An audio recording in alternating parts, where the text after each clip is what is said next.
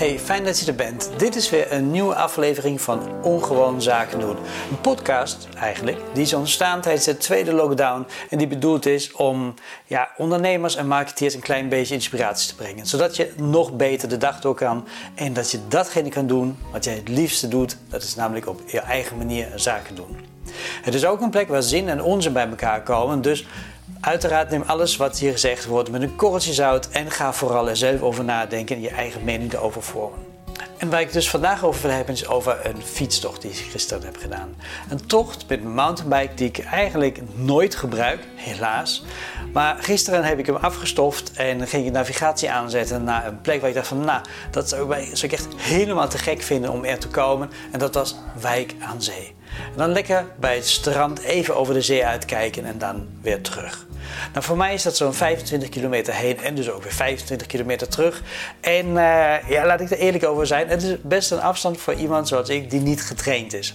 Maar ik wilde het doel bereiken, dus ik ging ervoor. En de eerste paar kilometers gingen eigenlijk best goed. Ik had een klein beetje moeite om uh, mijn voeten goed op het pedaal te zetten. Maar uiteindelijk ging het toch ja, klein beetje zoals het gaat met fietsen bijna vanzelf. En kon ik lekker doortrappen.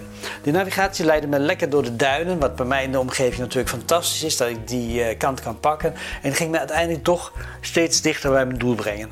En toen zag ik in de verte, ja, Wijk aan Zee. Dus de schoornstenen van Tata Steel. En op het moment dat ik de schoorstenen zag, en dat is echt al 15 kilometer of zo voordat je er bent, toen dacht ik van, jemig, dit is toch best een afstand. En, uh, en het leek een beetje bergen, dus ze kwamen maar niet dichterbij. En het was best warm, dus ik, uh, ik ging ook meteen verzuren. En hoe verder ik ging fietsen, hoe moeilijk het eigenlijk vond, omdat ik het doel zo duidelijk voor ogen zag de hele tijd. En dat was eigenlijk het, het, hetgene wat me het meest is bijgebleven. Dat ik het heel raar vond, dat ik het heel moeilijk vond ook om er te komen. Zeker met het doel voor ogen. Terwijl de terugweg, dat ik uh, nog een keer 25 kilometer moest gaan fietsen. Ja, dat ging eigenlijk veel makkelijker. En makkelijker ook in de zin van dat ik, uh, uh, dat ik gewoon minder ermee bezig was om ergens te komen. Ik ging gewoon terug. Maar op de heenweg was ik toch heel erg geobsedeerd door die, door die mountains, door die bergen die ik in de verte zag. Door Tata Steel, die, die hoge ovens die ik in de verte zag.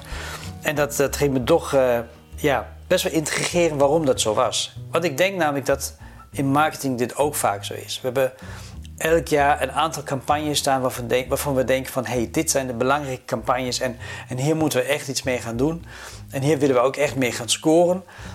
Maar hoe dichter je bij de finishlijn komt, hoe dichter we komen bij de daadwerkelijke uitrol van de campagnes, dan begint het te kriebelen, dan, dan, stijgt de spanning, dan vind je het leuk. Maar er ontstaat ook een soort van een drempelvrees. Een drempelvrees van ja, nu hebben we echt alles gedaan wat nodig was in de voorbereiding.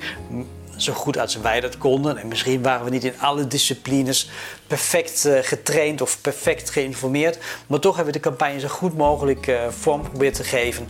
En, uh, en nu moet hij maar gaan rollen. En juist de laatste, misschien wel dagen voordat uh, dat zover is, de laatste content gecreëerd is, de laatste edits gedaan zijn, de laatste visuals, uh, teksten uh, en misschien voice-overs en misschien muziek die noodzakelijk is gecreëerd is. en de, de, de planning er staat en daadwerkelijk ook de advertentieruimte ingekocht is, of juist de influencers gebriefd zijn om hun ding te doen. De laatste dagen stijgt de spanning. En de spanning die stijgt in het hele team als je met een team werkt. En men wordt een beetje, men is enthousiast, maar men gaat ook steeds meer toch kijken naar het eigen stukje binnen het geheel. En dat ervaar ik bij het ene team wel wat meer dan bij het andere, maar toch over het algemeen is het overal zo.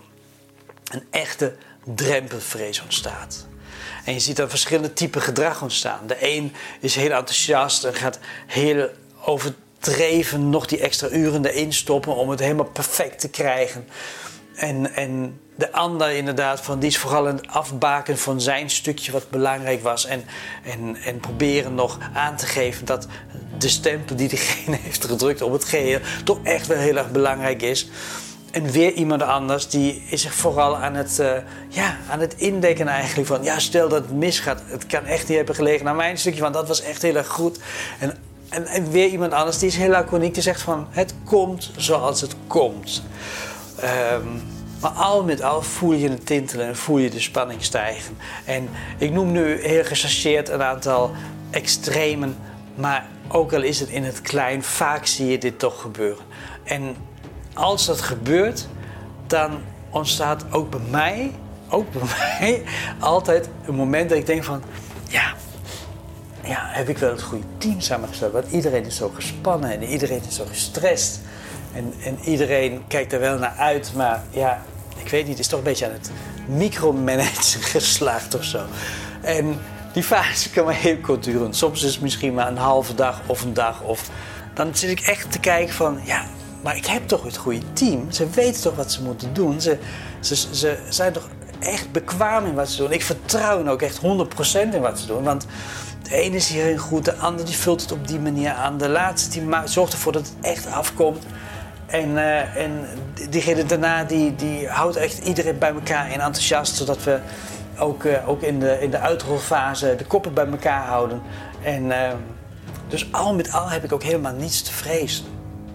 Het enige wat ik misschien heb te vrezen is dat als ik er ben, als ik die berg heb bereikt, als de campagne uitgerold is, dat dan het resultaat ja, minder bevredigend is dan dat je had verwacht. Dat je toch denkt van, ja, we hadden eigenlijk meer ervan verwacht. En die teleurstelling voor jezelf, omdat je de hele weg keihard hebt getrapt om er te komen maar die teleurstelling die kan toch best wel groot zijn.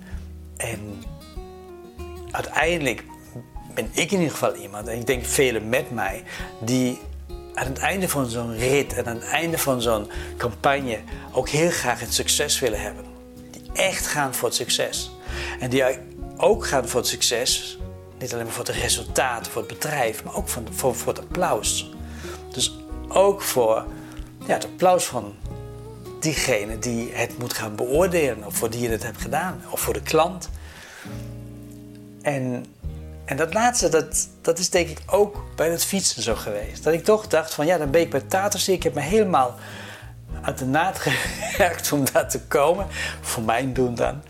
En, uiteindelijk is het resultaat misschien toch minder dan dat ik heb verwacht. Of ik krijg in ieder geval niet het applaus, want daar is helemaal niemand die ik ken. En ik moet dan ook nog 25 kilometer terug.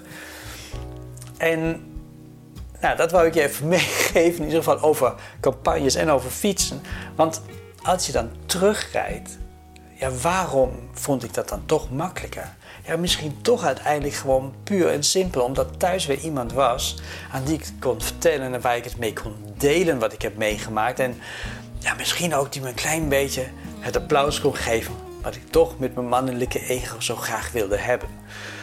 En in campagne voeren is het waarschijnlijk precies hetzelfde. Je wilt toch uiteindelijk de campagne lanceren, het draaien, met het team ook echt het succes vieren en dan elkaar de schouderklopjes geven. Elkaar echt, ja, gewoon de high fives en de boxes geven en de champagne momenten delen, omdat het een succes was, omdat je het samen hebt geflikt. En iedereen heeft dat toch wel vaak in zo'n team. En daarom denk ik stijgt de spanning ook zo op. Net als bij mij dat ik vlak voor, vlak, vlak voor Wijk was, Wijk aan Zee. En dus uh, Tata Steel in de verte zag staan. En het kwam maar niet dichterbij. En ik moest nog zo hard trappen. Ja, met campagnevoeren is dat dus een beetje hetzelfde. Betekent voor mij dat ik de volgende keer als dit gebeurt en mijn team inderdaad toch weer ja, uh, de spanning met mij samen verder laat stijgen, toch even probeer extra die stap achteruit te doen kijken wat er gebeurt. En vooral elkaar de hand vasthouden. Soort van letterlijk. En de rust bewaren. En ondersteunen en helpen waar het nodig is. Zodat je samen uiteindelijk het resultaat kan behalen. Want dat is uiteindelijk hetgene wat we allemaal willen. Een goed resultaat. Voor onszelf, voor de opdrachtgever en voor de klant. En misschien ook in een andere volgorde. Hoe dan ook, dit was Ongewoon Zaken doen. Ik hoop dat ik je een heel klein beetje heb kunnen inspireren. En dat je ook deze dag weer op een hele fijne manier je eigen ding kan doen. En zoals altijd wens ik je natuurlijk de allerbeste klanten toe. Heb je genoten van deze aflevering van Ongewoon Zaken doen? Kijk dan ook een van de andere afleveringen. Of beluister een van de andere afleveringen. En uh, wil je meer weten over marketing en over campagne voeren? En hoe ik in ieder geval dingen doe, neem dan gerust een keer contact op. Mijn naam is Sven Oinsen. Tot de volgende keer.